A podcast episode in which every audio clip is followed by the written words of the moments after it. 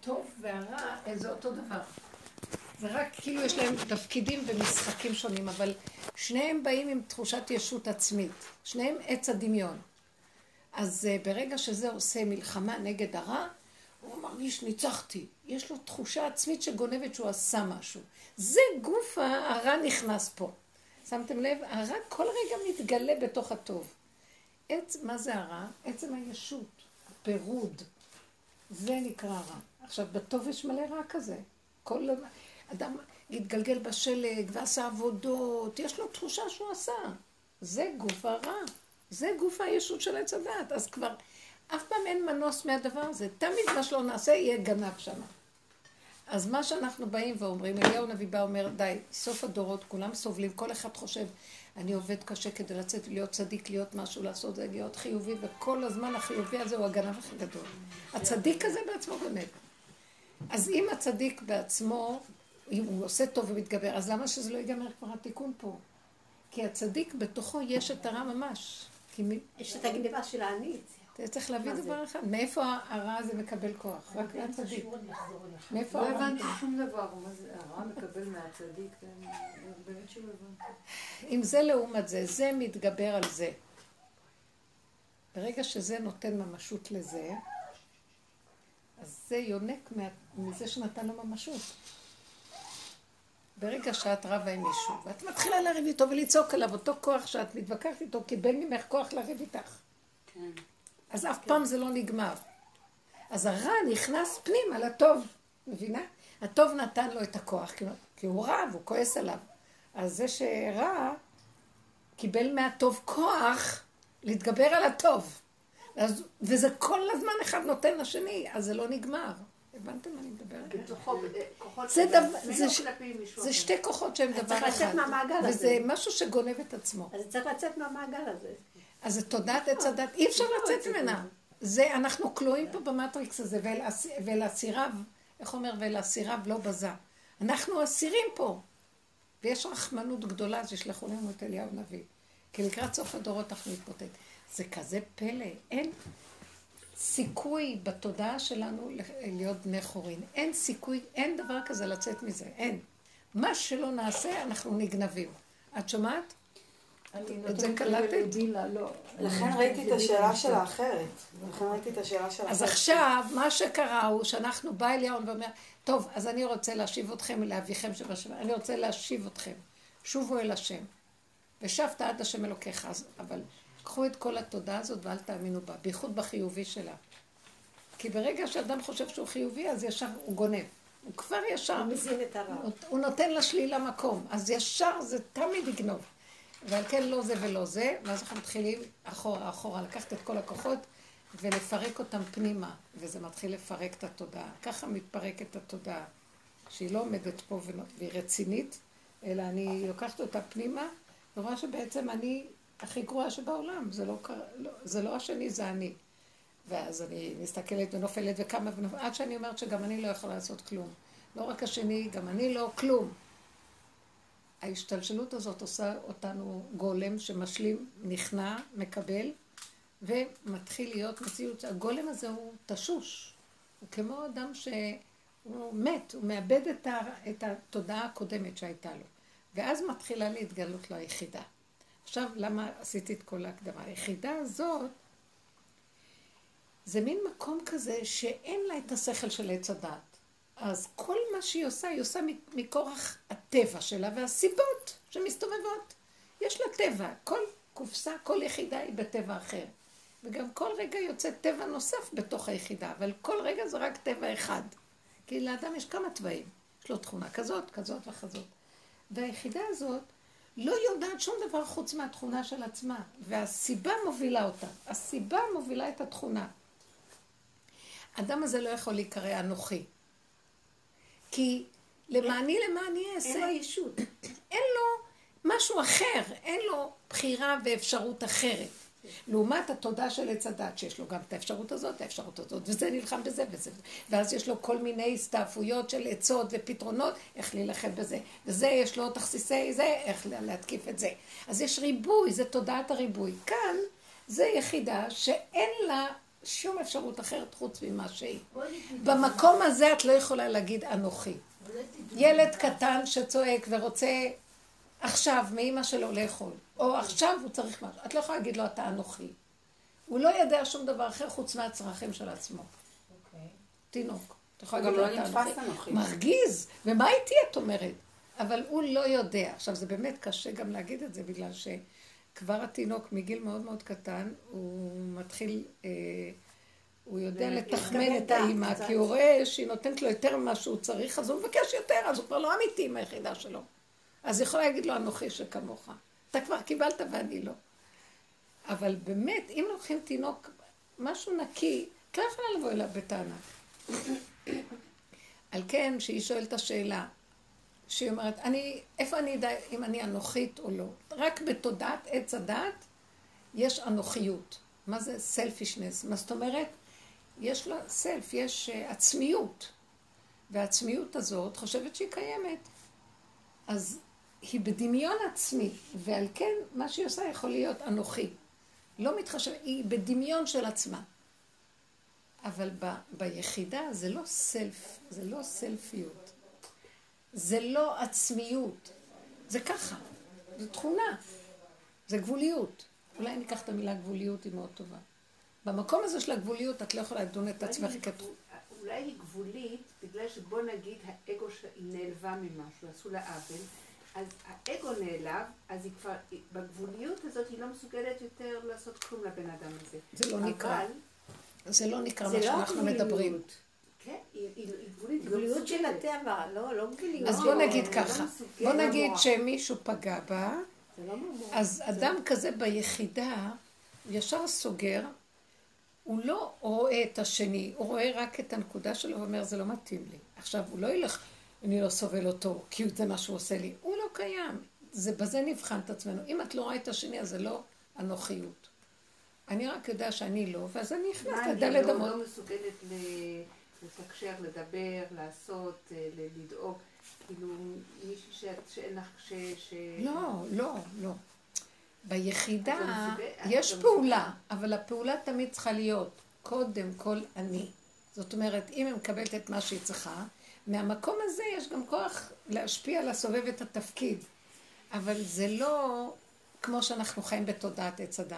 כן, אבל זה האגו שנפגע. אם, אם, אם לא היה לה אגו בכלל, היא לא הייתה נפגעת. נכון. אבל יש, אפשר, את לא יכולה להפריד את האגו מהבן אדם. אם הבן אדם נפגע, והיא מרגישה שזו היחידה שלה, זה לא, לא היחידה. לא, זה אני לא אגיד. לך משהו. את מערבבת דברים. אני חושבת שהאגו, שהוא נפגע, אז יש תמיד איזו נקודה שהבן אדם מפחד שיפגעו בו. אז למה הוא מפחד? כי עוד יש לו ישות שהוא רואה שיכול להכאיב לו, אם הוא יתרחב איתה. אז מה הוא עושה עכשיו? מצמצם את הכל, והוא לא רואה לא שני, לא שלישי, הוא רק רואה שהוא לא רוצה להיפגע. נכון. אז כאן כבר אין אגו. אבל אם האגו עוד נשאר והוא דן את השני, אז זה לא היחידה. לא, לא, רוצה לשמר את עצמו שלא להיפגע, אבל הלא זה- להיפגע זה גם אגו מסוים. לא, להיפגע. זה צריך לא אגו, זה לא אגו. זה גבוליות, זה הישרדות, זה קיומיות, זה חוק הקיום. זה המשבצת כאילו, דואגת. לקיום שלה. הנקודה הזו של עד כאן. כן. עד כאן, הגבוליות מאוד, אה, זה, זה קיומה, זה חוק גבולה. אם היא לא תכבד אותו, אז היא תתבטל מהמציאות. היא תמות, ואז זה מסוכן. אז לכן היא חזקה, דואגת לגבול של עצמה. כשהיא משם רואה את השני, שלישי ורביעי וכואב לה, אז זה לא זה. זאת אומרת, זו... אבל התוצאה מזה שהיא לא, בוא נגיד, לא מזמינה אות- אם זה מישהו לבוא ל... אוקיי, אז זה משהו אחר. היא לא עושה את זה בגלל לא להזמין את ההוא. היא עושה את זה בגלל לא לשמר את. הנקודה שלה, שהיא אומרת, אני גם כן מרגישה שבכלליות, אין לי נגד זה או זה או זה. אני, אני לא יכולה... הייתי עכשיו בחתונה וראיתי כל כך הרבה... זה המון התייחסויות, ולחייך ולדבר, ולי... אין לי כוח, אין לי כוחות לזה, לא מעניין, אני רוצה לעמוד בצד. אין לי כוח, אפילו שאנשים מדהימים ואני אוהבת אותם. אבל זה באופן טבעי, מה יש כבר להגיד? שלום, מה נשמע שלום? זהו. לפעמים הוא יכול לתת לך פתאום משחק ולשחק. אבל לא היה לי כלום, לא היה כלום, ובכוח להמציא. עמדתי בצד, היה לי מין שתיקה, עמדתי בצד, ונגמר. אמרתי, נגמר הרוק. נגמר. עמדתי בצד ורק הסתכלתי על הנושא, ואז הרגשתי, אה, אמרתי לעצמי, אז מה, למה כל האירועים האלה? לי זה לא התאים פתאום, וחיכיתי כבר שתהיה החופה, וזה רך המון זמן. ואז אמרתי, איזה, איזה קשה זה כל האירועים האלה בשביל אחד שהוא... אני לא מצאתי את עצמי. אז אמרתי, אני אוהבת את כולם, אני לא נגד אף אחד, אבל אני, היחידה שלי לא מתאים לאירועים כאלה. אתם יכולים להבין מה אני אומרת? ואם את יודעת שמאוד ייעלבו שלא נשארת, בוא נגיד. זה מה שאני אומרת. טוב, את אומרת דבר יפה. במקום הזה של היחידה אני לא יכולה לראות אותם, שהם ייעלבו. אפילו אם יש לי ידיעה, אנחנו לא עב"מים ביחידה, יש לנו איזה רשימו של העולם. אז uh, הוא מתבטא לי, אני יותר חשובה מכולם. זה לא חשיבות של, uh, של זלזול. כן, כבוד. זה לא, זה פשוט uh, מתנדפים לך דמויות מהמוח. כי זה טיפשי. אז שיחשבו עליי. האמת שאם אני הולכת ככה, גם הם לא יחשבו. בדיוק. יש כאן משהו שגם אצלם לא קורה. גם שם קורה איזה דבר ש... הם לא ירגישו הם לא. ירגישו. אני, והם כבר מקבלים את זה, תמיד אני הולכת במשפחה לחתונות כאלה, בקושי אני, אני הולכת לקצת זמן ונעלמת. אנשים הכי קרובים, נעלמת. כן, כבר הבינו. ואמרתי, ריבונו של עולם, איזה בזבוז זה להתחשבן יותר מדי עם אנשים. אני לא, וזהו, אין לי כוח. מה אתם רוצים בחיים שלכם? ובואו נריץ את המוח הלאה. כן, תתנתקי מהעולם, לא יהיה לך קשר עם אף אחד. אני לא רואה שזה קורה, לא נכון, איפה שצריך. מה זה העולם בשבילך? באותו רגע שאת פוגשת מישהו, זה עולם. באותו רגע שאת מדברת עם מישהו בטלפון, זה לפי הסיבה, לפי הצורך, וזהו. זה שיש לי במוח כך וכך סך של אנשים, וכל מיני שאני מכירה, ואז אני צריכה ליצור קשרים, זה מין, זה מין שק במוח של אה, רקורד טיפשי כזה, שאין בו ממשות.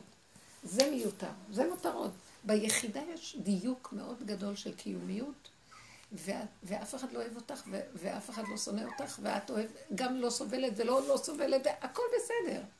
זאת אומרת, אין כאן את החשבונאות הרגשית וכן הלאה. זה, היח, היחידה היא מקום נקי. היחידה היא מקום נקי. אז בואי, בואי נחזור עוד פעם. בואי נבדוק אם אנחנו באמת ביחידה. ואם אנחנו לא, אחרי כל השאלות שאנחנו מזהים, אז בואו בוא נראה איך להגיע ליחידה. כי אם אנחנו לא ביחידה, משם הכאבים. ואם אנחנו לא רוצים את הכאבים, אז בואו נחפש את המקום ליחידה. ונהיה חזקים. האמת שלא, היחידה נותנת לך את החוזק, כי היא כל כך מוגבלת, שהיא מכריחה אותך להודות באמת, את לא יכולה ואל תשחקי אותה. זהו, ככה זה וזהו זה. ולא נגרע מאומה מכלום. לא? לא. לא נגרע, זה במוח שלי יכול להיגרע מהחשבונאות, אז הם לא יחשבו עליי, אז הם לא יאהבו אותי, אז הם יגידו אני משונה. אין אף אחד, אף אחד לא יחשוב, לא, גם שיחשבו עד מחר, מה אכפת לי? למה שלא נהיה מלכות שעושה מה שהיא רוצה, והיא לא מכאיבה לאף אחד? אתם מבינים מה אני מדברת? למה אני מכאיבה למישהו? מצפה, מה... אני אשמה שהוא מצפה? תגדרת לו. תראו איך התרבות הזו בנויה. אבל בגלל שאת חושבת שהוא מצפה, אז הוא דווקא יצפה. למה אני צריכה להתחשב לא- במישהו שמצפה? אני שואלת שאלה. למה רק, למה בוא נגיד אה, גדולי ישראל שהם ישבו ולמדו וסגרו את הכל רק כדי שילמדו ולא יפרו, למה הם לא עשו חשבונות, זה לא יאהב אותי, הילדים לא ישנאו, כי אני לא רואה אותם ואני לא זה, אני לא-" הם שמו על כן עדה ולא יבוא, שמתי פניי כחלמיש, איך אומר הנביא ישעיה, ואני הולך ודבר. איך, אה, וללוי אמר, משה רבנו מברך את שבט לוי, וזאת הברכה.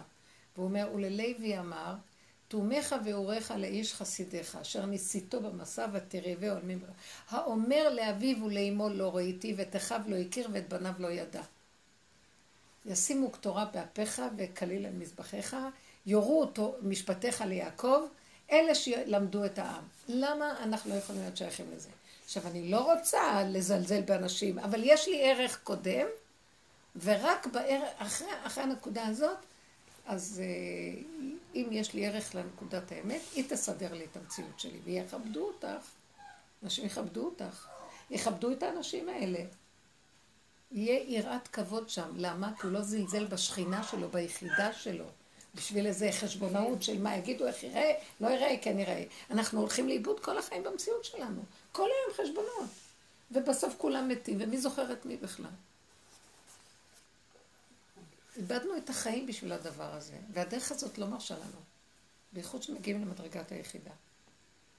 לא, אבל השאלה שאם ברחתי ליחידה בגלל שהאגו נפגע, זה כאילו הלכתי ליחידה על סיבה לא, אה, לא דמיונית. למה את כאילו. קוראת לזה אגו? למה, אולי שרק נקרא לזה ככה. בהתחלה היה אגו, ואחר כך הייתי מה שאני לא עושה לעבוד, זה חוזר על עצמו. בסוף תשש כוחי, ואני רואה, אין לי כוח לתוכנית העולם. אין לי את הכוח אה, לפרנס אותה, to cater, אין, אין לי כוח לתוכנית הזאת. אז למה אני קוראת לזה אגו? אני אומרת, אני לא יכולה. זה, זו תוכנית מטומטמת, היא תוכנית טיפשית, היא, היא בולעת, היא, גול, היא גומרת עלינו, היא יונקת מאיתנו. למה אני צריכה להתחשב בה ולקרוא לזה, זה האגו שלי. כאילו, מה? זה האמ- האמת הפשוטה שאני מגלה, שאין לי כוח להתמודד עם המשחק הנוראי הזה פה, זה לא ייגמר לעולם, זה מעוות לא יוכל לתקון. אז למה אני צריכה עוד... מה המשחק שמה? של העולם, של החשבונאות וזה. אז אני, טוב, אז אני אומר, אני לא יכולה, זה האגו שלי בורח. אני לא קוראת לזה אגו, אני קוראת לזה הגבוליות ש, שסוף סוף קולטת שזה מעוות פה, וחבל להשקיע פה כוחות. לא ברור לי למה את משתמשת במילה אגו, ואת כאילו דנה כל את הזמן עצמך. מבקר את עצמך. כל כי הזמן המוח אומרת, שלך זה. נכון, אבל אני אומרת ככה, אם נהייתי גבולית שאני לא יכולה לסבול בגלל מישהו ממש עשה, עשה לי איזה את עוול, גבולית, זהו. העוול הזה נבנה. מה, מהפרסונה שלי, כאילו, אם לא היה לי פרסונה, אם מלכתחילה הכל טוב, הכל בסדר והכל זה, אז בכלל לא הייתי צריכה לברוח ליחידה. אז יש כאן מקום, רגע, שיש משהו שאת אומרת במילים אחרות. אני בורחת ליחידה, אבל עוד לא פירקתי כראוי את האגו הקודם. הוא עוד בנוי על כל מיני... אה, אה, מה שהעולם כן, שלנו... לא. כן, כן, אני עוד שם. ואז את אה, תופסת את המילה יחידה, ואת כאילו בורחת אליה. אני לא יודעת אם לזה אנחנו יכולים לא לקרוא יחידה. היחידה. למה? כי היחידה היא מקום של... אין לי אפשרות אחרת. הגעתי לאין לי אפשרות. אז למה את לא מרפה מהדבר הזה, מהחלק השני? כאילו נראה שיש עוד את החלק השני, ואת מחזיקה בו, וגם יש לך את היחידה לברוח. כי הרגע של אין אפשרות הוא רגע נורא דומיננטי, אין לו עוד משהו. כן. כאילו, הוא מוחזק בפני עצמו. אם הוא עוד רוצה עוד משהו, זה בעוכריו, הוא לא יכול להיות ביחידה באמת, הוא כאילו ביחידה. כי הוא נושא את עיניו לדבר הזה. הוא כל הזמן הוא מבקר את מציץ. עצמו והוא בסדר. בדיוק. הוא מציץ. אני מבינה את זה מהמאזניים, יש לי גם כן, אה, שהוא רוצה לשמר את כל האפשרויות. אני באמת לא רוצה את התוכנה, אבל אני לא רוצה להיות מטומטם או טיפ- טיפש בעולם. אוקיי, מה זה מטומטם? הכוונה אטום לעולם. אז אני כל הזמן רוצה להשאיר איזה משהו שמשחק אותה עוד עולם, אבל לא באמת באמת עולם, וזה מאוד קשה. כי אי אפשר שלא להיגנב במשחק במשהו. לא, אבל יום. אחד אני אומרת לעצמי, אז את משחקת במשחק שתמיד את פוסחת על שני הסעיפים וזה קשה מאוד, את רוצה גם את זה וגם את זה, ויש פעמים שמשהו קורה לי מבפנים ואומר, לא, את חייבת להיות נחושה בנקודה, וזה הפתרון של זה. מפה הוא יסדר לך את זה.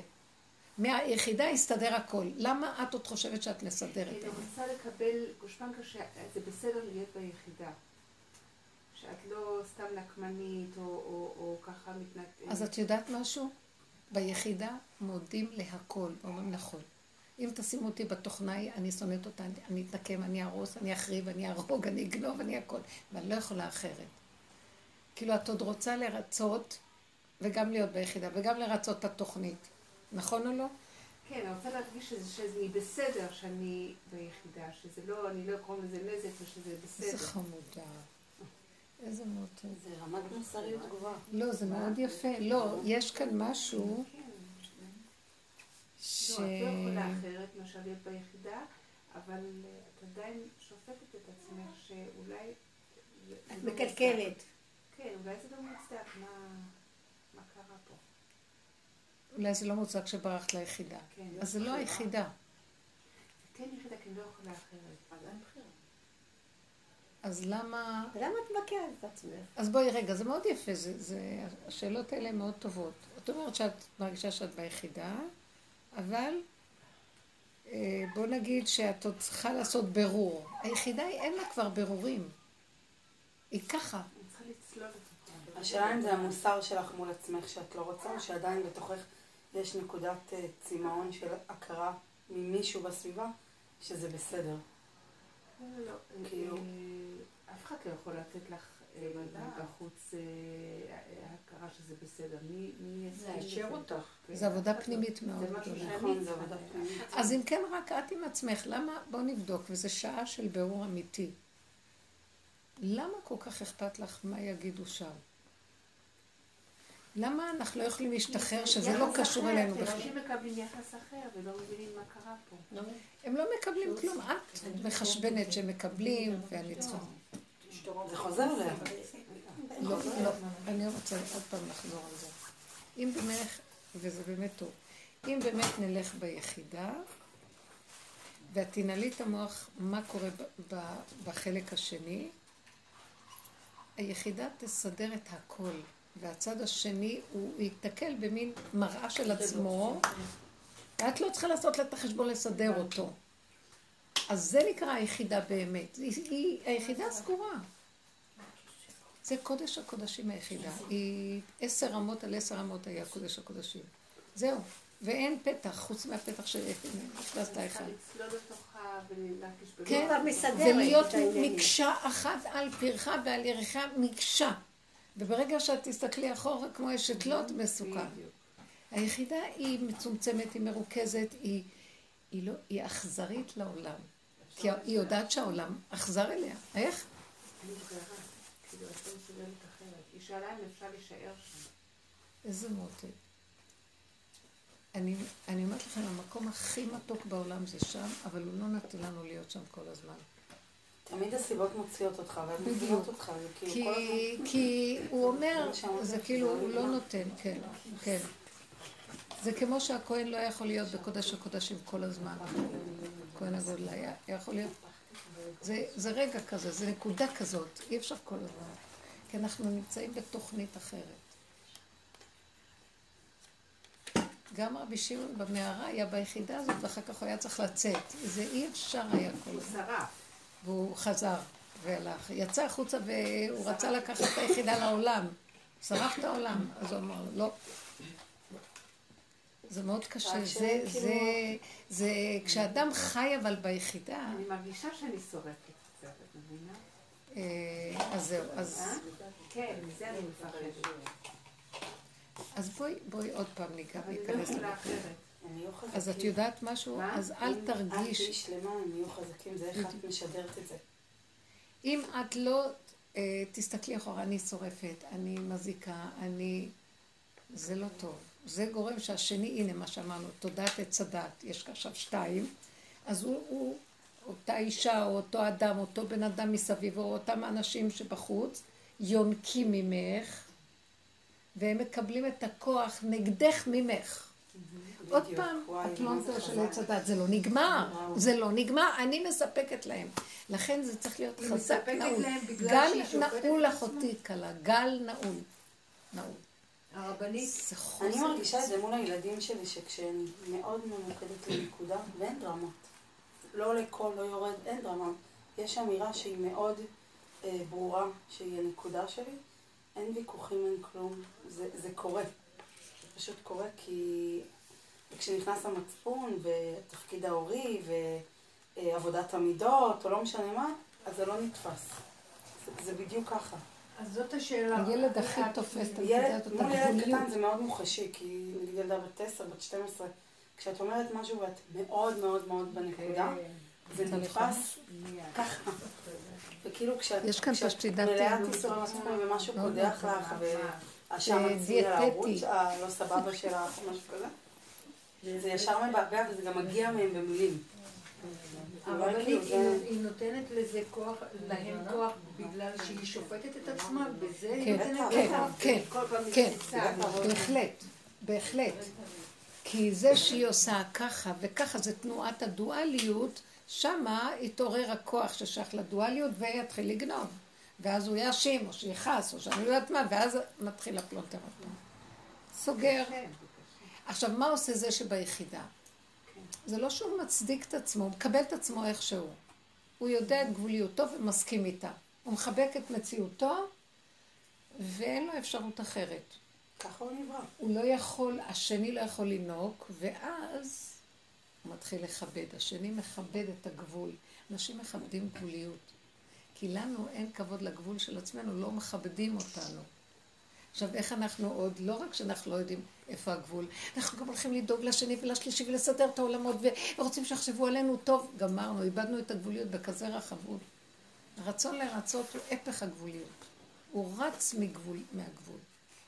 וכל העבודה שלנו זה כל הזמן לחזור לגבול. זה, זה הבדיקה, אני לא יכול. זה כל כך קשה לי בתכונות שלי, זה הכי קשה בעולם. אבל גם אם היא לא חוזרת לגבול, הרבנית, גם אם היא לא חוזרת לגבול, מספיק שהיא מתבוננת בזה ואומרת, זה מה שאני יכולה לעשות, בלי קשר לצד השני. בינך לבינך, להגיד, כן. אוקיי, אני עוד במקום הזה של הרוצה לרצות, ועדיין זה, זה גם, גם עושה שם עבודה, לא? נכון, אבל כשהיא אומרת, זה, בוא ניקח את הנקודה הזאת. נכון שאנחנו, יש לנו את הרשימו הזה, גם ביחידה מרגישים את הרשימו, אבל עכשיו זה עובד אחרת. אז אני פותחת את הפה ואני אומרת, בנו שלום, אתה בראת אותי עם התכונה הזאת שלנו. עכשיו, אני לא דנה את עצמי. אני לוקחת את המציאות הזאת ומדברת איתו. זה לא ביני לביני, מה עשיתי, לא עשיתי, הייתי צריכה לעשות כל הזמן.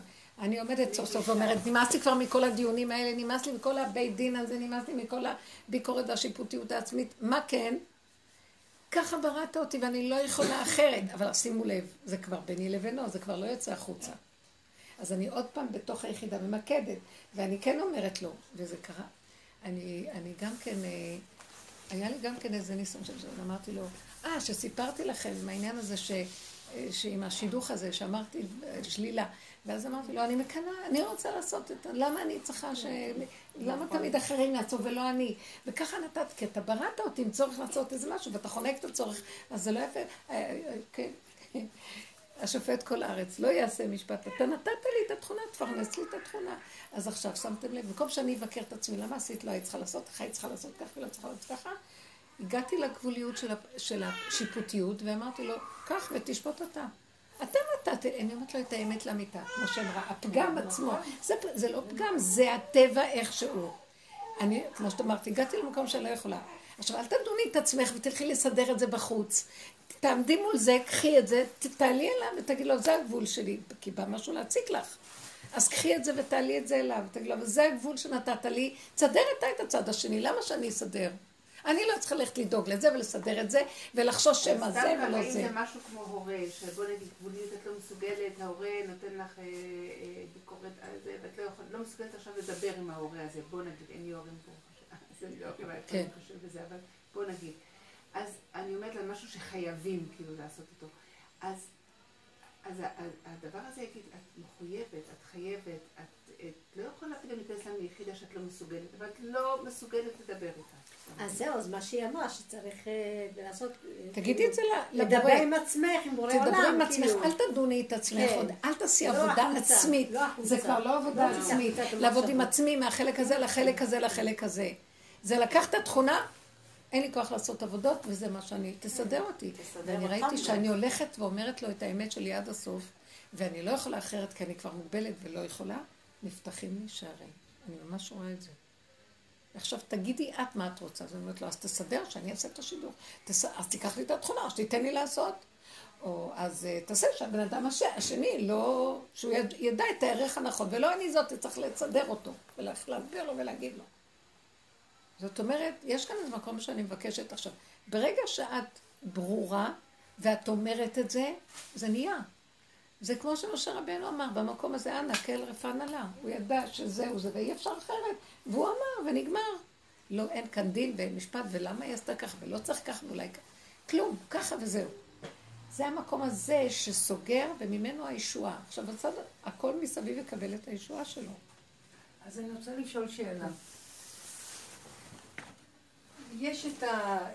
יש את התורה, ונניח, אה, מה שאני רוצה לשאול זה בעניין של כיבוד הורים.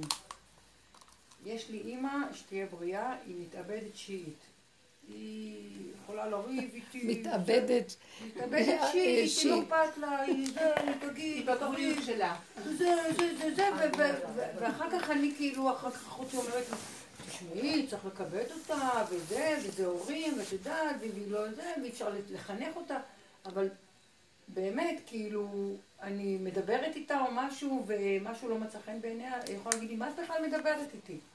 זאת אומרת, כאילו, גם אם עשיתי איזושהי השתדלות לבוא ולדבר איתה למרות האגו, כי כן. זה וזה, עוד היא המתאבדת הזאת, זאת אומרת לי, מה את בכלל מדברת איתי?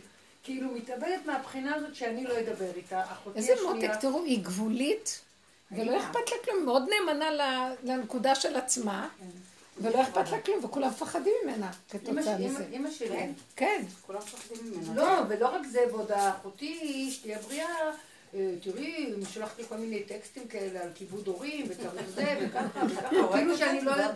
כאילו שאני לא יודעת אה, מה זה, שזה מצווה, שזה, ו... אז, אז איפה...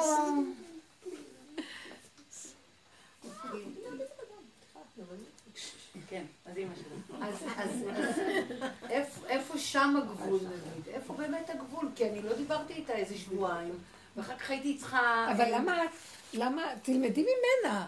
ראית אותה, את האימא איך היא גבולית? היא עוד באה להגיד לה איזה מילה לרצות אותה, ואז היא עוד כן, מחזירה לה. כן, איזה שמתם לב? אז עץ הדת תקרא לזה חוצפה.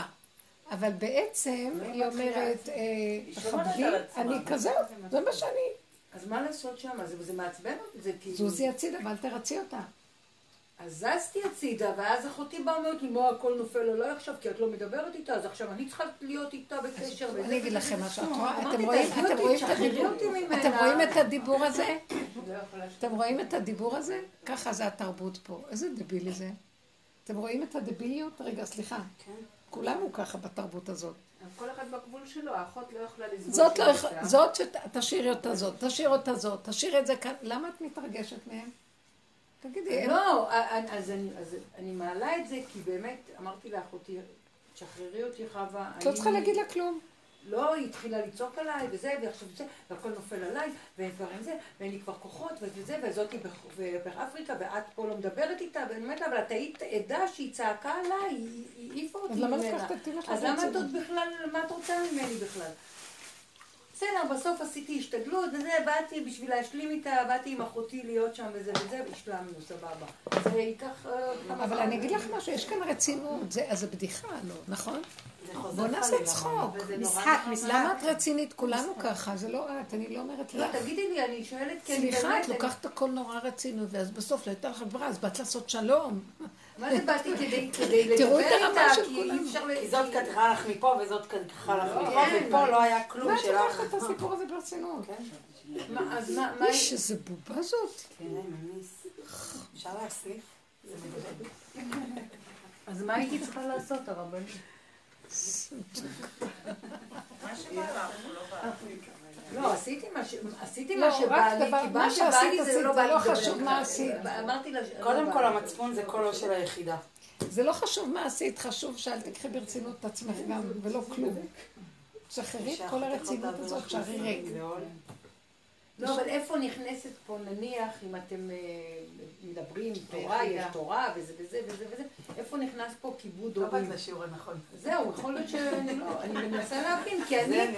ביחידה שלי לא יכולתי אחרת. מה, ועשיתי את לא. עשית שום דבר על ההורים, לאמא. לא, לא יכולתי אחרת, היא, פשוט התקיפה. התקיפה אותי, וגם גם כשבאתי עוד זה... אז מה עשית רע? לא הבנתי. לא עשיתי, לא רע מבחינתי, אני אומרת, אבל אני שואלת, אם נגיד לפי הלימוד, אז את יודעת, יש האם יש פה הלכות. מקום שאני צריכה כאילו לא כל אה. להיכנע לה ושהיא ת- ת- שתעשה מה שהיא רוצה לא, איתי? לא, לא, לא.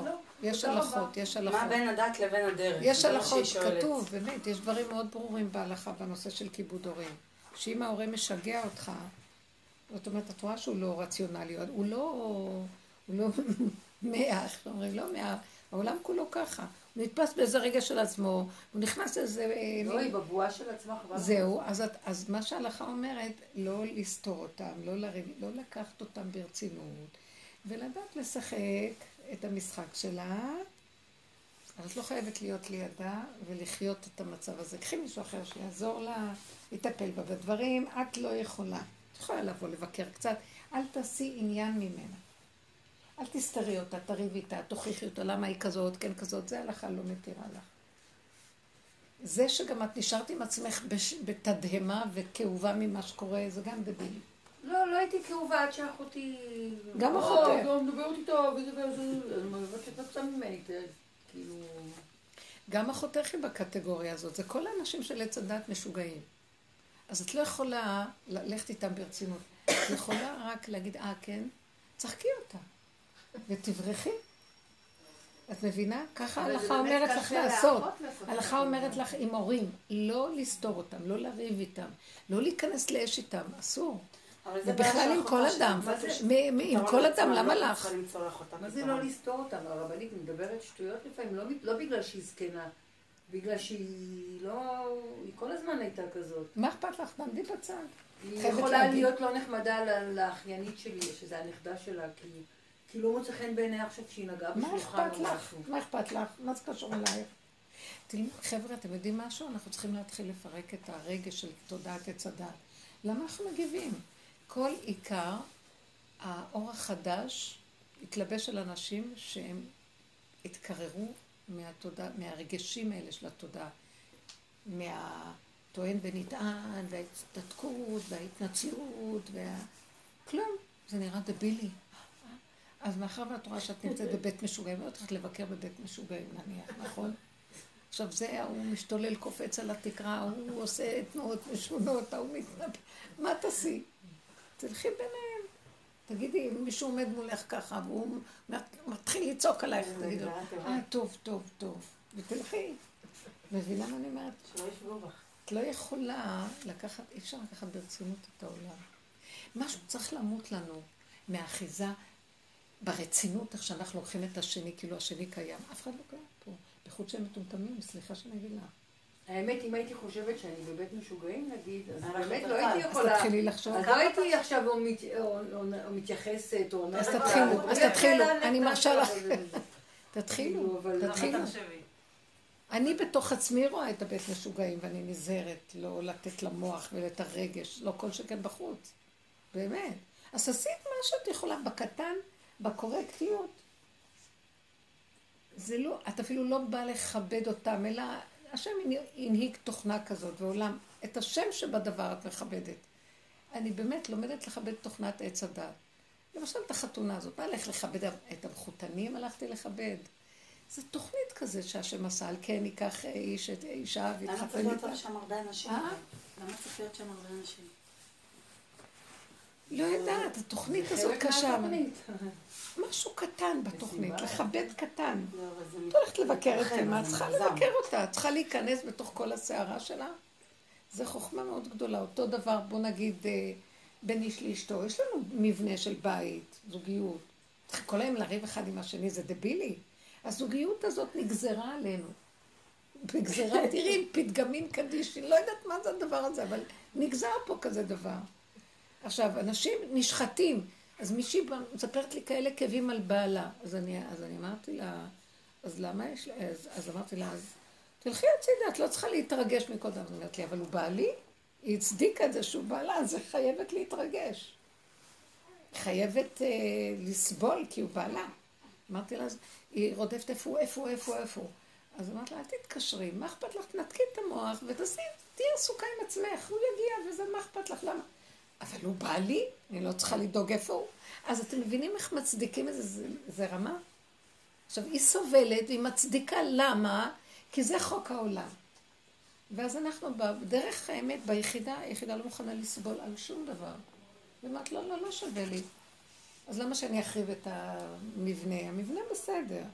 אני אלך עם הנקודה שלי, ואני לא אגיב בצורה הזאת של גירוי תגובה, גירוי תגובה של עץ הדת. אתם יודעים משהו יקרה בצד השני? שנניח שהוא באמת לא, שאנחנו לא מתנהג הצד השני טוב, אבל כן יש לה טענות עליו. באותו מקום הצד השני יסתובב ויתחיל להתנהג. זה. קרה לי השבוע בעבודה. זה קורה? זה קרה לי השבוע בעבודה. יש אה, תקופה כאילו יחסית מאוד מתוחה בין הבוסים לעובדים, לא ברמה האישית אה, מולי, אבל נהיה איכסה בעבודה. כאילו, וכולם מתפתלות וחוטפות ולא חוטפות, ובאיזה שלב הפריז שלי קפץ, ואמרתי, לא נעים לי לבוא לפה, זה גבול. לא נעים לי לבוא לפה. קראתי, והעובדות כזה מפח- מפחדות מהבוס והבוסית. זימנתי את שתיהם לשיחה. היא זימנה אותם, את הבוסים. של הבוס. הסברתי להם מה גבול עבודה שלי, ואם זה עובד ככה סבבה, ואם לא, לא. שתיהם לקחו צעד אחורה. אני מרגישה, גם הם מתייחסים אחרת ממה שהם מתייחסים לעובדים האחרים, עם כל מה שיש להם. מתחים, לחצים, לא משנה, זה לא מעניין אותי, זה לא שלי. כן, נכון. ו- וגם אה, אה, היום יצאתי כאילו עם בוס שלי לשתי פגישות וזה, ראיתי שהוא מדבר אחרת שיותר מכבד. עכשיו, זה לא נתן לי כלום, כאילו זה לא שקיבלתי מזה ויש עכשיו איזה מאבק, אני אעשה את זה עוד פעם. זה היה רגע אותנטי של או לא שתעופו לי. מהעיניים, או כן. שאני אעבוד ככה וזה, ככה זה עובד. יפה. שתיהם תפסו צעד אחורה, אבל זו נקודה של השלמה מאוד מאוד חזקה של לא יכולה יותר. יש מקום שאנחנו צריכים לאמץ את הנקודה הזאת. אני רואה שכל התזונה של היחידה היא החוזק הזה. לא יכול יותר. בלי חשבון כזה וכזה וכזה. אני לא יכול יותר. אני ראיתי שמאוד אבל קשה גם לי. זה השפה. לא יכול יותר, וזה מה יש, כאילו לא אשם. וזה יכול להיות. רק לרגע אפילו, אבל לא חשוב, כרגע זו הנקודה. אם אני חווה את זה חזק, משהו יוצר מסביב את הנכבדות של ההתרחקות מה, מהזילותא של ההתנהגויות של בני אדם, כי זה באמת תת-רמה שאנחנו חיים, ומרשים לעצמנו. זה פותח את הפה על זה, והוא על זה, ואיך נראה, החיים נראים זלזול. למה? כי אנחנו לא יודעים לכבד את נקודת היחידה, שהיא השכינה שלנו ולהקים את הכוח הזה. ומשם היא פועלת לנו את הפעולות. עכשיו, זה צריך להיות מאוד חזק, כי אז הבן אדם צריך לא להציץ לראות. מה קורה? נעשה ו- כבר, כן. קורה משהו, כי זה גם יכול להיות לרגע, ואחר כך יכול להיות שהם יחזרו לסורם, אבל יש משהו שמאמן אותי שהישועה נמצאת במקום שלי ולא בשום דבר אחר. וזה חוזר, צריך לעבוד עם הנקודה הזאת עד שאנחנו הופכים להיות אנשים מסוג אחר. באמת. זה אנשים עם אינטליגנציה אחרת. הם ישנו את הכדור. אנחנו חייבים לשנות כאן את התודעה, זה ילדותי מה שקורה פה. זה כמו להגיד, תצאי לבועה ששם אין את החוק ה- אה, הגרביטציה. כן. אבל, אה, אבל אז לכי תלכי ככה ופתאום תפלי, אני מבינה בגלל ש... רגע, אפילו רגע מסתכלת, אופס, הגרביטציה. אז, זה- רגע את גם יכולה, אין חוק כזה, הוא דמיוני גם. זה טולרץ על בלימה. זה רגע אחד, נפלת מהרגע, תחזרי אחרי רגע. כמו ש, ש, שזה לא יתמיד יותר מרגע להחזיק, כך גם הנפילה לא יותר מרגע. והכל זה רק רגע. זה כאילו, הדמיון אין עושה. אחד ועוד אחד. אין עוד ועוד אחד. המוח מקבע. אה, אני נפלתי, הייתי קודם, הייתי בקימה, עכשיו נפלתי. בוא, באותו רגע שנפלת, תקומי מיד. וחזרת למקום. משהו מתיישן לנו במוח ומתחיל לייאש אותנו. זה התודה של עץ הדת. הלך אליך. הצצתי אחורה, אני טוב, כבר כבר ינ- ינקו ממך כו- כוחות, וזה כבר אבוד. ממש, ממש. צריך להיות חוזק. זה, בגלל זה השם עושה לנו את כל הכאבים, בגלל זה האימא ככה עושה, בגלל זה הבעל עשה ככה, בגלל זה החברה עשתה לי זה, התשישות. ככה, כי הוא רוצה אותנו לנקודה של החוזק הזה, בשביל זה באים הניסיונות.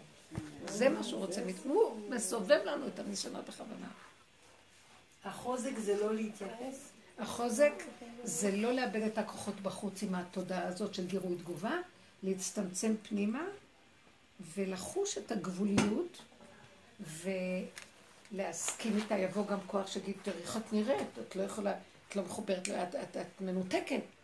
אז uh, אני מעלה להשם, אני אומרת לו, אתה לא יכול להביא לי את הניסיונות האלה כשהטבע שלי הוא כזה, ואני כזה, והנתונים הם כאלה, ולצפות ממני למלחמה כל עונה, לא יכולה, תסדר את הכל אתה, תסדר לי את החלק, תסדר. תפתח לי שם, תסדר ש...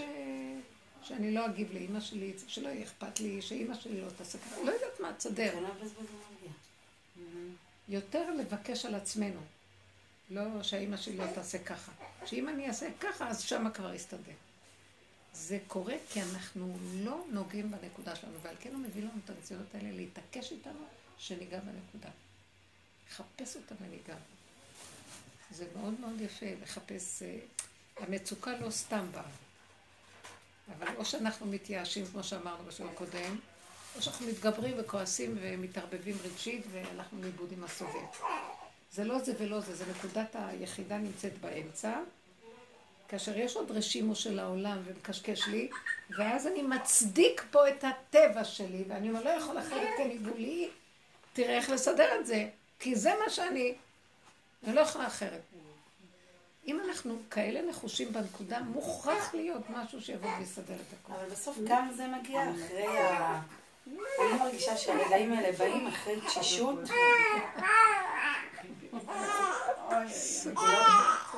לדעתי לא מסכימה איתנו. היא מאמינה בעץ הדעת. כן. אבל זה גם הרגעים האלה, כמה שהם מגיעים והם נורא ברורים, בסוף הם מגיעים גם אחרי שאתה תשוש. כאילו, הכוחנות זה וזה. כן, כאילו אתה... עכשיו, זה, אני אומרת את זה לעצמי, כי אני אומרת, הבנת את זה הרי פה, הרגשת את זה, את יודעת איך זה עובד. לא, עד שלא תתרסקי למטה ותרגישי מותשת, זה לא יבוא, הרגע הזה. כי רק אז אתה היא מגיע ליחידה. בלי קולות. שהיחידה חייבת להיות מלווה בתשישות. כן, שאין ברירה, כאילו מישהו כאילו... זהו. כי אז האגו אני שלך לא מתמוטט. כי אתה, אתה רואה שאתה לא יכול, פיזית, שכלית, רגשית, לא משנה, אתה פשוט חווה את זה. ואז אני- אני אומרת לעצמי, מה אבל הבנתי? את זה, מה. הכוונה אני לא יכול? אני לא יכול... דווקא לא תמיד תשישות, בגלל שאת צריכה המון חוזק להישאר שם. לפעמים תשישות זה לוותר לעץ הדעת, כאילו... אז היא מדברת על שתי מצבים. תמיד תבינו שיש שני חוזק מצבים. להישאר שם? כן, כן. יש תמיד ביחידה יש שני מצבים. קודם כל החלק, ש... למ... מה יביא אותי ליחידה? התשוש- התשישות מהעולם והמלחמות שלו. וכשאני נכנס ליחידה, אני... יש חוזק. זה שני מהלכים. התשישות היא נובעת מהמקום הזה שנמאס של לי. הדעת. כן, היא- היא- היא מגרה אותך להיכנס כן, לעינה. אני לא יכול יותר לסבול את הצורך הזה, אני תשוש ממנה. וברגע שאני תשוש ממנה ואני נכנס ליחידה, שם מתחיל להיות חיות חדשה. נכון. אז זה שני מהלכים. אז לכן באיזשהו מקום, אבל יש דרך להגיע למהלך של החוזק בלי התשישות? כאילו, עם שנים של עבודה זה מגיע? אני, כמו בוא, נק. בוא ניקח את המילה תשישות זה ונחליף אותה כמו בהרבה זרע. שצריך אה, להירקב כדי לצמוח מחדש. כן, חייב להיות איזה משהו, אבל למשל אני רואה ש... אה, שלפעמים התסכול כל כך חזק, שהוא נותן לי מידת הגבורה להיכנס ליחידה. תסכול מהמצבים, כמה אני אעבוד, כמה זה, כמה זה, ונהיה לי עצבים. הפך מהתשישות. זה גם סוג של תשישות. מרוב תשישות, מרוב שתשש כוחי, נהיה לי איזה מין קונטרה למצב, ואני בורחת, אני הולכת. זה, אני מנצלת את המקום, הגבוליות, זה כוח של הגבוליות, מידת הגבורה של הגבוליות. אז זה טוב. מה הכוונה תשישות? תשש כוחי מהמלחמה. זה יכול להופיע לי בגבורה, בכעס, כלפי הדבר. זה לא חייב להיות גם לא מעניין אותי אם אני אקלקל, כי אני לא יכולה אחרת. בדיוק. בדיוק. זה מין כוח התאבדות נכון. לא מעניין אותי שאני... כי אני לא יכול אחרת. זה לא... אני לא יכול יותר לחשבן. זה המקום הזה. אז זה לא מין תשישות. זה תשישות מהדבר הזה. כן. וזה יכול להופיע בכל מיני צורות. בכעס, בחוזק, ב... כן? אבל כלפי השני או בינך לבינך? זה ביני לביני. יכול להיות שיצא מזה משהו החוצה גם, אבל לא אכפת לי. אנחנו לא רוצים שזה יצא החוצה. אנחנו רוצים... אבל לפעמים זה כן יוצא, לפעמים יוצא. נכון? זה לא משנה כבר. לפעמים יוצא לנו החוצה. כן. וכשזה יוצא החוצה, גם לא להתבהל ולא כלום. אז יצא לי. כמו שאמרת לשכן, אתה כמו גוי, אה, אה, כן. למלשינים, כאילו דבר עם שנים לא תהיי תקווה. כן. כמו גוי. אין, אה, כן, איך אמרתי? זה לא יהודי, אתה לא כן, יהודי. ולמלשינים לא תהיה תקווה. לא תהיה תקווה. הסתכלתי עליו וכמו איזה חוזק כזה יצא לי. לא היה לך אכפת. הוא הלך. בסדר, זה, זה כאילו רגע כזה, וזה השם הוציא לי את זה מהפה אפילו, לא, אפילו לא דנתי את עצמי למה זה יצא לי. אבל, אבל היה לך מסע איתו של כאבים, ובסוף זה הגיע, זה מה שאני כאילו... זה היה עוד אפילו לפני הסוף, הזמן. אמרתי את זה, ואחר כך היה וואי מלא כאבים, וזה נפתח ונסגר, ומתרחב והולך ובא, ו... אבל בסופו של דבר, המטרה היא שניכנס ליחידה, ולא נשאף לכל ה... הבלי המריבות של העולם וכל ה... יש משהו עכשיו שממש פעם פחדתי מהשקט של היחידה. הרגשתי שחסר לי שם אוויר. כאילו... את לא מבינה, לא היחידה... לא, ואז התמכרתי לזה, חכו, לא סיימתי את המשפט. בהתחלה היה זה כזה תחושה של שיממון כזה, של אין, אה, קולות בפנים, אין, אה, אין עשייה, המוח לא קודח, אין לך משמעות. לי- בעולם. זה אז, רובד כל כך חיצוני. אם כן. אנחנו מתרכזים פנימה, יש שם מדרגות נוספות. עולם ומלואו. יש שם דבקות. יש שם... אה, בהתחלה זה נראה כאילו צריך, לבקע איזה חומה של שיממון. זה מה עצמית. שהרגשתי אבל. יש הרבה הרבה בפנים. המקום של האהבה העצמית זה אהבת הבורא, אהבת השכינה. זה הופך להיות למדרגה הזאת דבקות, שקט, שלווה. אין את אמת. האמת, ולא אכפת לך מכלום. אין לך את הסערה. ואחר כך הוא מחזיר אותך לעולם, כי זה לא להרבה זמן, ואת משתלבת עם העולם מתוך. מתיקות. אחר כך את מביאה את המתיקות הזאת לעולם שלך, והכל נהיה מתוק ואחר. זה, זה מתוק המקום הזה. זה, זה תרגילים. אני, אני, אני מבינה ששם, משם הנביאים קיבלו נבואה. אם אנחנו נתמיד להיות במקום, ביחידה הזאת ולא נברח ממנה, כי אנחנו כל כך, כל, העולם של עץ הדת מפגיז אותנו בגירויים שרק לא נרד למקום הזה. כל הזמן, זה וזה וזה וזה, ואנחנו כאן. ואם היינו מוכנים לוותר על זה ולהיכנס פנימה, וזו היחידה עושה לנו מהייסורים והכאבים של העולם, ואם היינו עוד מתמידים לרדת, היה משהו מתחיל להתגלות מהכיוון של עולם האלוקות, ממש, שזה סותר לגמרי את העולם של עץ הדעת. אנחנו חיים כאן בשטחיות מזעזעת של גירוי תגובה והמון רעש. ואילו עולם האלוקות זה לא ברעש השם, זה שקט, זה שלווה פנימית. זה חושים, דרך החושים הוא מופיע. דקות. שומעים רכשים, קולות, יש, יש אה, זרימה אחרת לגמרי. דיבור יוצא משם. החיבור הזה שאת מדברת ומתרפקת על דודה, מה שנקרא, מדברת בתוך התרפקות, זה יוצר מציאות. אם אנחנו מתמידים, זה רק התחלה. אנחנו נכנסים ליחידה וזה רק התחלה, יש עוד מקומות של. התפתחות שם, זה לא המטרה. המטרה היא להתחיל לעורר את עולם הנבואה מחדש. זה המקום של הדרך, התכלית שלה. אנחנו עד כה רק מדשדשים באיך לפרק את כל הקליפה הזאת, המסכים שמבדילים. אבל זה התכלית. היחידה זה כל דממה דקה? שם יש במה דקה, זה כאילו שמה. את לא צריכה לדבר כדי ש... שיקרה משהו. איך שזה ככה, שקט, יש משהו פנימי יותר ש...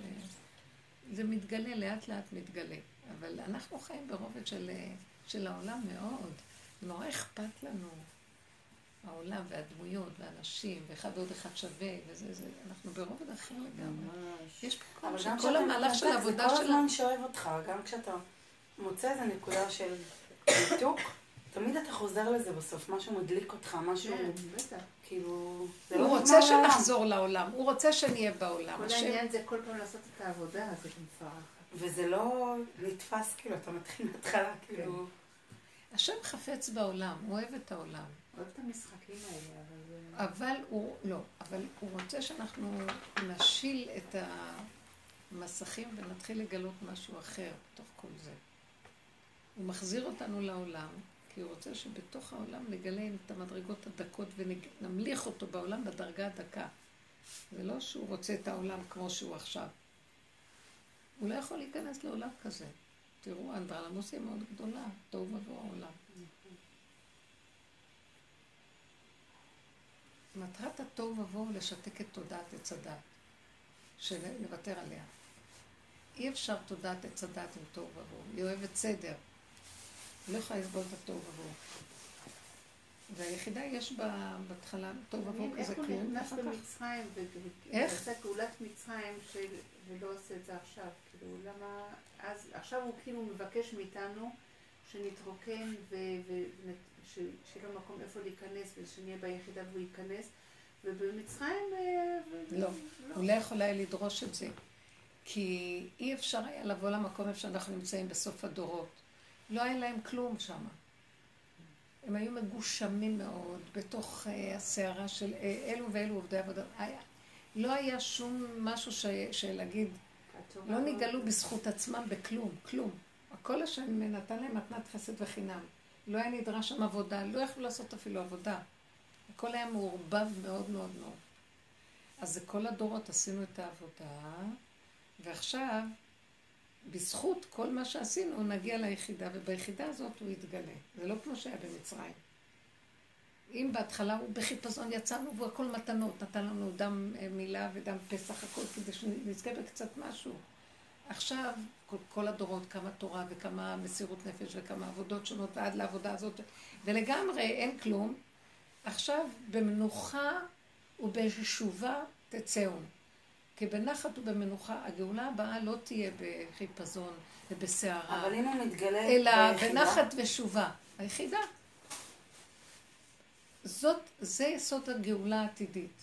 מתוכך צפצוף אחד גדול על הכל. ולא אכפת לך, זה לא זלזול בעולם.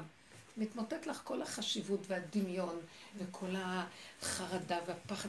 ואת אומרת, לא, זהו, ככה זה וזהו, זה, זה, זה יסוד הגאולה, ככה זה יהיה גאולתן של ישראל. אבל זה נשמע גאולה זה- פרטית, מה שאת אומרת עכשיו. אבל זה גם הגאולה. הכללית אבל שייכת. גאולה כללית זה זה דבר. משהו של ציבור. אותו דבר. זה אותו דבר. הגאולה האחרונה תהיה לא? אחרת מהגאולה הראשונה. הגאולה עכשיו היא לא תהיה כמו של מצרים, זאת תהיה גאולה שהאדם יהיה חייב לתפוס איזה נקודה, ואם הוא לא תפס את הנקודה של עצמו, אז לא יכולה להיות הגאולה האחרונה. הגאולה האחרונה דורשת שיהיה איזו קבוצה שתופסת נקודה, ובעבור זה יכול להופיע מציאות חדשה. זה לא יהיה בחינם, זה לא יהיה מה שהיה בגאולת מצרים. לכן העבודה הזאת מאוד חשובה, ושתהיה לנו החוויה הזאת של הדיוק בנקודת האמת, וחוזק הלב, ונראה שאין כלום, אין אף אחד, אף אחד לא קיים פה. חזק.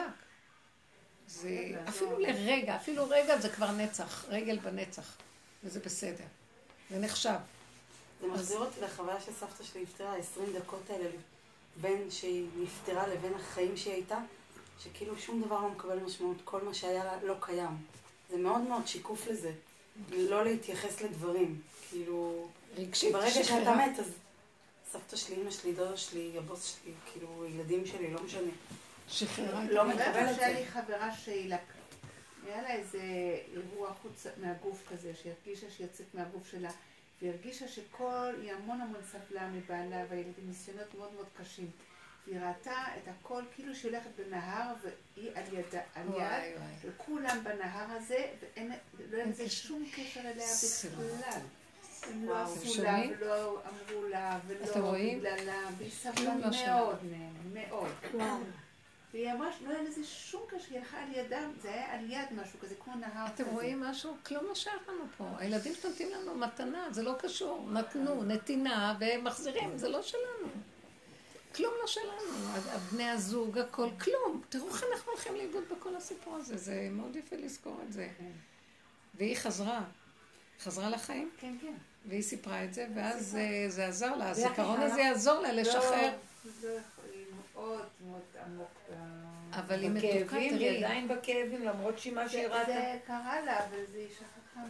אז איך אנחנו נזכור? היא שכחה, אז איך אנחנו... לשיעור. היא שכחה, זה לא, קרה לה. כי את יודעת מה?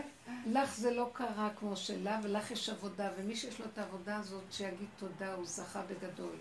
היא קרה לה ולא זכתה בעבודה. אתם יודעים, מה. זאת אומרת, אנחנו... יש לך תוכנית עבודה ויש לך עבודה.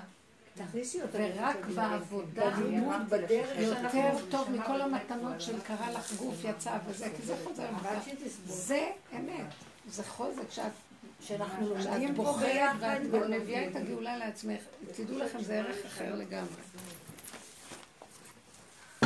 יש סיטואציות כאלה שאחרי שנה שאדם מת, כאילו בא בחלום, נכון? יש סיפורים כאלה. שמעת שבאים בחלום ואחרי שנה, אחרי שנה,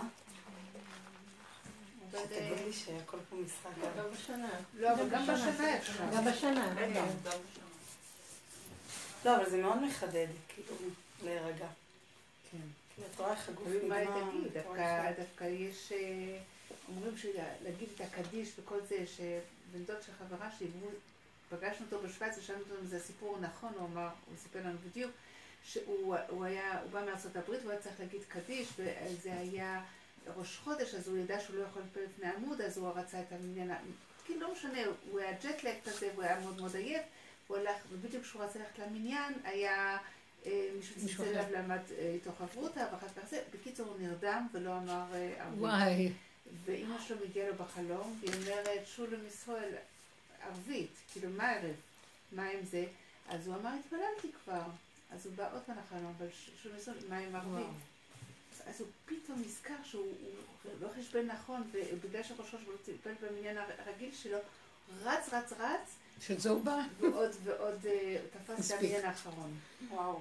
היא באה להגיד לו. היא באה להגיד לו, זה- אז אז אה, כאילו בעץ הדת, כן, יש את החוקים ויש. את ה... כאילו, יש עוד משמעות לדברים האלה. אני חושבת שהמשמעות היא נטו הלכה, בלי התרחבות כן. של- ההלכה מאוד עצמה. יפה. כי היא כי גנובה. יש משמעות. כן. מאוד יפה. יש משמעות לדברים. יש בכל אופן רובד כזה ורובד כזה, ויש הנחות. הבעיה, זה נגנב. זה נגנב לרגש או לזלזול, או להפקרות, או לא. כן. אנחנו צריכים לדייק. עכשיו, העבודה הזאת שאנחנו עושים מאוד מדייקת לנו את ההלכה. בפשטות, נקיות כן. וקטנות. וזה, למשל, האימא שבאה, הנשמה הזאת שבאה, לא צועקת עליו, מרימה איזה מבוט ורוצה להכות בו. קום, אתה יכול. ללכת? הכל בקטן. לך, תעשה, תגיד, פשוט. זה יפה. כן. אם היינו חיים, הכל באמת קטן, הכל לא... אבל הסערה מרגשת אותנו ומבהילה אותנו, שוברת אותנו, או שאנחנו... נותנת לנו משמעות גם, כאילו. וכאילו יש לנו חיים, וזה- וזה הכל עניינות. איזה יפה זה המידתיות, הדרך הזאת מביאה למידתיות, לנקיות. רק במידתיות הזאת יש גילוי השם, לא ברעש השם, בכל במה דקה של הקו האמצע המאוזן. מידה הכי קטנה ויפה, שם הוא מתגלה. זה קשה לדייק במידה הזאת. הנה, מסתכלת אחורנית, אני נזכרת, והיה שזה ש- לפני שנה, איזה... מהמחותנים היה איזה מישהי שאם קבענו ללכת ביחד, ובסוף היא לא אמרה לי שאנחנו לא ניסע ביחד, ואנחנו ככה... לא, זה היה סיפור שלם, כי לא רצתה להגיד לי שהיא באמצע שידוך עם הבת, אז זה כאילו עשתה מאחורי הגב, אז מאוד מאוד מאוד נעלבתי. אחר כך כבר השלמנו והכל, אבל באותו רגע היה כזאת, כזה כעס, עכשיו אני אומרת לעצמי, מה מה. היה מה? היה? אבל לא יכולתי אחרת. לא יכולתי. אז עכשיו, האם לקבל את עצמי? נכון, זה היה אז אש וגופרית ועלבון והכל, או להגיד לעצמי, מתי תגדלי ומתי, למה את לוקחת את הכל כל כך קשה? לא. זה מהלך כזה שכל מה שקורה, האירוע הזה, אם יש לך את הדרך ואת מתבוננת במצב הזה, את מחלישה שהפעם הבאה שזה בא זה פחות. זה כן פחות. זה לא מה שהיה פעם. אני מבטיחה לכם, זה לא מה שהיה פעם. כי תמיד הסיפור אחר. אבל זה לא העוצמה שהייתה לנו פעם, שהיינו כל כך מעורבים רגשית עד כדי... אה, זה קורה, אבל אה, עכשיו יש לנו את הפחד גם שלא נחווה, והכאבים, יש לנו את הזיכרון הזה. הוא לא- הוא- אם הוא רוצה, זה מאוד חזק. לא הכל. אז בואי תקפוץ, אנחנו צריכים לקפוץ מהר ולהגיד, לא רוצה לחוות בזה. אני לא רוצה. לא רוצה לחוות ואין לי כוח לזה ולא שייך לי כלום. זה תהליך של השחרור מהמטריקס הזה, הוא פשוט משחרר לנו את היד מהמדוזה. משחרר לנו את ה... הלוקה הזאת משתחררת. היא קשה עלינו, היא קשה עלינו מאוד. תקשיבו, אז זה תודעת עץ הדת היא מדוזה. אה, אה, מדו, מדומיין זה, מדומיין, זה דמיון אחד כולו, המדוזה. והיא כל כך תופסת אותך. וכל העניין הוא שנראה שהיא לא קיימת ולא כלום, ויש היום השתחררות, זה לא מה שהיה פעם, אני זוכרת. נכון שעוד מופיע, אבל זה לא מה שהיה פעם. הדברים קיימים. יותר אני, אני אומרת לעצמי, אני יכול, אה, למשל יש דברים שמרגיזים אותי. בעניין של בעלי, נניח ביני לבין בעלי, או דברים ביחס לרעות, כל מיני דברים ש... ואז אני מסתכלת, היום אני יכולה להגיד לעצמי, למה לך? למה לך? זה לא קשור אלייך. זה לא, זה לעולם לא משתנה. זה ככה זה, וזה ככה זה, וזה ככה זה. תפסיקי. ואז אני מורידה. אז אני רואה הבדלים, מה שפעם היה לי את התאווה יותר להגיד, יותר אה, להגיד. להוכיח, יותר ללמד, יותר לשוחח. לא, חבל. אני עוקפת, עוקפת, עוקפת, עוקפת. לא יכולה להכיל יותר. משהו נחלש ברצון אה, לנסות עם. ה... אין, אין, אין. אז אני רוצה להגיד לך שעשיתי את זה, אה, ככה, בסדר, כאילו מה אני וזה וזה, פתאום זה היה דחיקה, זה לא היה זה, ופתאום זה יצא בגדול הכעס, מאוד מאוד מאוד חזק, מבינה? כי בגלל שכל הזמן, מה, לך ולזה, בסדר, כל אחד עם הזה שלו, כל אחד עם, הסריטה שלו. זה בא באמת זה לא מתוך ממקום העייפות. נכון. אולי זה לא היה ממקום של זה אמת. היה נכון. כזאת, מעייפות כזאת של כאילו, בסדר, זה המצב, מה... ופתאום, זה, אז אני ראיתי שזה לא היה באמת. אבל זה לא מספיק להגיד למה לי שם, למה לי שם, ולחפש את היחידה פה. זה תמיד שני דברים. זה לא להגיד למה לי שם, ואז לאן אני אלך, אז אני עוד שם. אתם לא, מבינות מה אני אומרת? משהו שמדברת על משהו שקורה באמת המון כשאנשים עובדים על עצמם, וקורה שם משהו לא נכון. אתה עובד על עצמך, ואתה מצליח, ואתה מצליח, ו- ופתאום אתה חושב שזה היה. תכף באיזה נפילה, אתם שאתה לא יודע מאיפה? בא לך. זה יודע שלא עבדת נכון. מהי- לא, מהי העבודה הנכונה? להבדיל תמיד שיש את המקום הזה של התודעה, שחבל לי להתערבב בה, אז אם כן, לאן אני אלך? היחידה. אתם מבינים מה קורה? אנחנו כאילו אומרים, יש כזה מין משהו שאתה יודע, לא צריך, לא אכפת לי. כשאני אומרת שאני עוקפת, אני קולטת שאני לא רוצה יותר ללכת בתודעה הזאת. אני לא אפשר מסכימה לנכס להקיא את התודעה ככה. הזאת לעבודת לא המידות. רוצה, זה לא- לא עבודת מידות. אי אפשר. לא, לא זה הרגשתי דרך שאני. מתגברת. לא, אני אפשר. התעייפתי כל הזמן להתעסק עם זה, אז אמרתי לעצמי, טוב, מה, בסדר. אבל זה לא יש שם משהו של עייפות? ורצון, בריחה לנינוחות. כן. זה לא באמת המקום שאני קוראת ברית למשהו חדש. אני לא רוצה את הדבר הזה לגמרי. לא רוצה את ה... מהשורש. לא רוצה את ה... אז זה שפרצתי, זה מה שעזר לי לא להסכים ולהיות אה, להיות אוקיי. ביחידה. אז הנה, אז אבל היה התפרצות רצינית. בסדר? זה טוב, לא חשוב איך. העיקר משהו בניסיון שקורה שיעזור לי סוף סוף להחליט למה אתם פוסחים על שתי הסעיפים. אם השם אלוקים, לכו אחריו, אם זה, לכו אחריו. לא, תראי, ניתן לה דוגמה הכי מטופשת, לדבר על דיאטה. אוקיי, נהפוך את זה כאילו לעולם אבל יותר קל לדבר על זה. אדם עושה דיאטה, והוא נכנס למסלול, והוא מצליח גם, והוא יורד במשקל. ותמיד אומרים, תמיד אומרים, כאילו האמירה היא שמרבית האנשים שירדו במשקל לא יישארו שם. בסופו של דבר הם יחזרו למה שהם היו ויותר. למה? הרי עשית, הרי עבדת, הרי הצלחת. מה פתאום מגיעה הנקודה הזאת שכבר אתה הגעת לאיזשהו שיא? טראח. מה? למה? בעבודת חיים זה בדיוק ככה. אתה עובד על עצמך, עובד, עובד, עובד, בגלל נפילה. שאנחנו עדיין בתודעה של. עץ הדעת.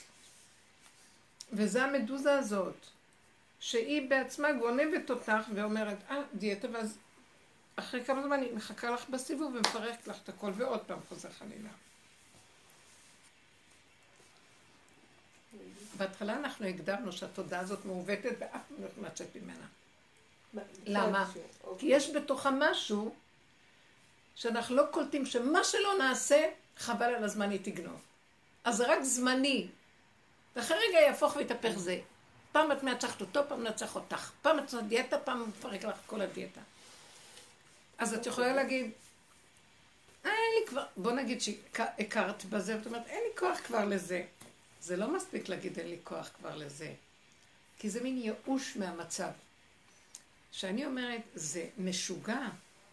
עכשיו, רק הדרך שאנחנו עובדים, לאט לאט לפרום ולצאת החוצה, על ידי זה שאני רואה שיש לי ייאוש כאן. אני בורח, אני לא מגיע לאף מקום, אני אחזור עוד פעם לתוכנית. יום אחד אני אגיד, אה, לא אכפת לי. יום אחד יצא לי עצבים עוד פעם. זה נקרא בריחה, זה לא שאני עובד להגיע ליחידה. רק הדרך שאנחנו עושים, שאני רואה, אה, זאת בריחה. זה ייאוש.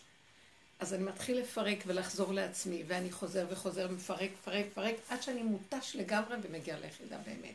היחידה באמת זה משהו אחר. תחזרו עוד פעם ותבינו, היחידה היא לא כי בא לי לתפוס איזה מקום שונה מהטבע, שאני לא מוכן להיות שייך במדוזה הזאת בכלל. לא מוכן, כי היא מכאיבה, היא שורפת, היא, היא, היא נוראית, אני רואה אותה כל הזמן, כל הזמן זה הכאבים של החיים שלי. כי תראי בבת אחת, אני יוצא לך עוד פעם כל האש, לא יכולה. לא מוכנה, לא יכולה, לא רוצה. כשאדם הוא מאוד חזק בנקודה שלו, אז הוא מתחיל, אז השם כבר לוקח אותו למקום אחר, קח אותי ליבשה אחרת. אז את יוצרת לעצמך את האפשרות לצאת מהעולם, לאט, לאט, לאט, לאט, לאט, לאט. מעט מעט אגרשנו מפניך. כל העבודות שהיינו עושים שמפרקים רואים את עצמנו, גם עכשיו את רואה את הנקודה, ואת ישר אומרת, "אה, אבל זה היה שטחי כזה, אני עוד נשארתי בגדר תודעת עץ הדת. אני צריך ללכת למקום שזה לא זה בכלל. מה, איפה התודעה החדשה? לא. רק לראות את הנקודה של עצמי, ולא אף אחד בעולם. רק אני. עכשיו, זה דבר נורא קשה. אז אני אנוכית, הוא מתחיל עוד פעם להציע. אני... אם אתה תגיד שאני אנוכית, אני אפרק לך את העצמות. ואני כל כך מעצבנית עליו שאני אומרת לו, זה בסדר שזה ככה, כי אין לי אפשרות אחרת. האדם הזה שהוא בנקודה של עצמו חזק חזק, אז, אז אה, זה נקרא אליך נמלטו אבותינו, בך בטחו ולא בושו. זה לא הבריחה של עץ הדת. שנוח לי, אין לי כוח, אז אני עוזב אותו. זה סתם, אני אומרת. כי עוד רגע משהו אחר יבוא ויקפיץ לי ב-180 מעלות הכל, ואני אוציא את כל זה שלי החוצה. זה עבודה אחרת.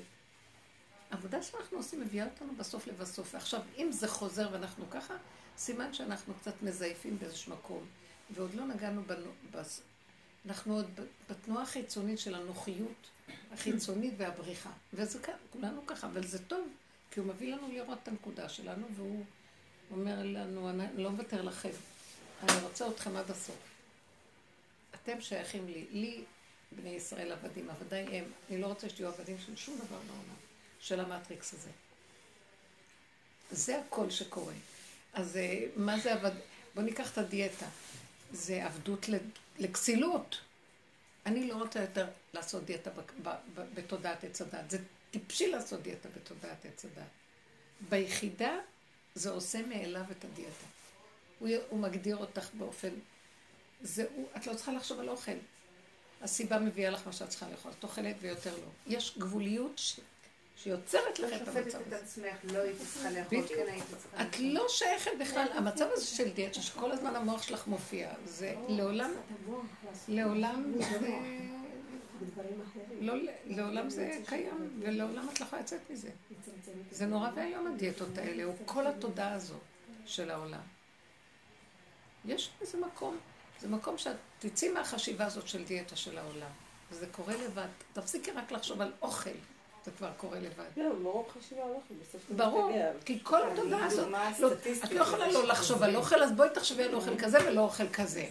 אז אם את כבר יודעת שיש כזה ולא כזה, אז כזה גם כן יבוא מחר. כי הוא תמיד קיים.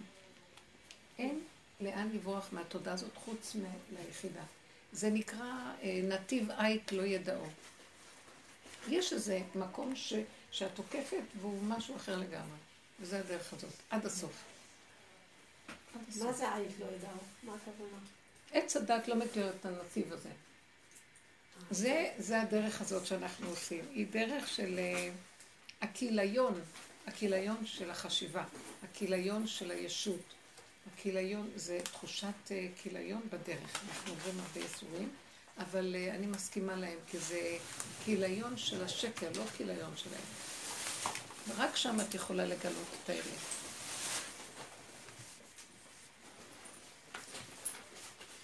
זה מעניין להתבונן ככה על דיאטה. כאילו זה... משגע הדבר הזה של דיאטה. אני ראיתי שהדרך של רב אושר, שנכנסתי בצמצום אחור אחור, הורדתי במשקל. זה לא שהייתי שמנה, אבל ירדתי הרבה. יותר מאשר עכשיו. ממש, נהייתי, ולא התכוונתי בכלל. האוכל לא היה בכלל מציאות של... אה, זה לא היה במוח, זה היה, הוא בא כדי להתקיים במשהו קטן. אחר כך, אחרי איזה שלב שקצת נגמרה רוחנית. עבודת הצמצום החזקה, התחלתי עוד. פעם לעלות. באמת מעניין מאוד, אה? היא אומרת אני אומרת כי את רוחנית בבסיס שלך. לא, לא כולם... משנה אם זה רוחנית בדעת או רוחנית לא נכון. כולם, כולם יכולים להגיע לזה, זה ממש ראיתי את זה, כן. גם אחר כך אם עוד מעלים משהו, זה כבר לא, הוא מחזיר אותך, האיזון במידה גורם את הדבר הזה. לא, ברור.